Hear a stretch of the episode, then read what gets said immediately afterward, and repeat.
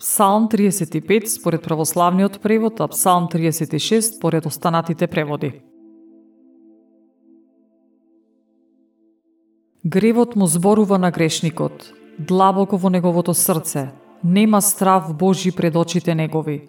Зашто тој самиот на себе си си ласка, место да го увиди своето беззаконие и да го намрази.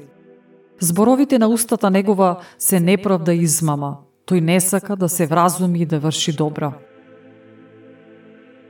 На леглото свој смислува беззаконие, останува на лош пат, од зло не сегна си.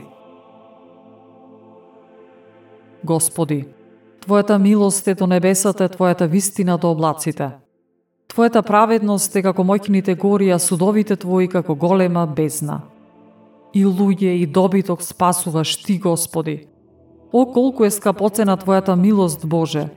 Синовите човечки се засолнуваат по Твојата закрила. Тие се ситат од изобилието на Твојот дом и од потокот на Твојата красота ги напојуваш. Зашто во Тебе е изворот на животот, Во Твојата светлина ние гледаме светлина. Продолжи ја милоста своја Господи кон оние кои те познаваат и спасението свое кон оние со чисто срце. Нека не ме гази ногата горда и раката на грешникот да не ме гони. Таму падна оние што вршат беззаконие. Соборени се и не можат веќе да станат.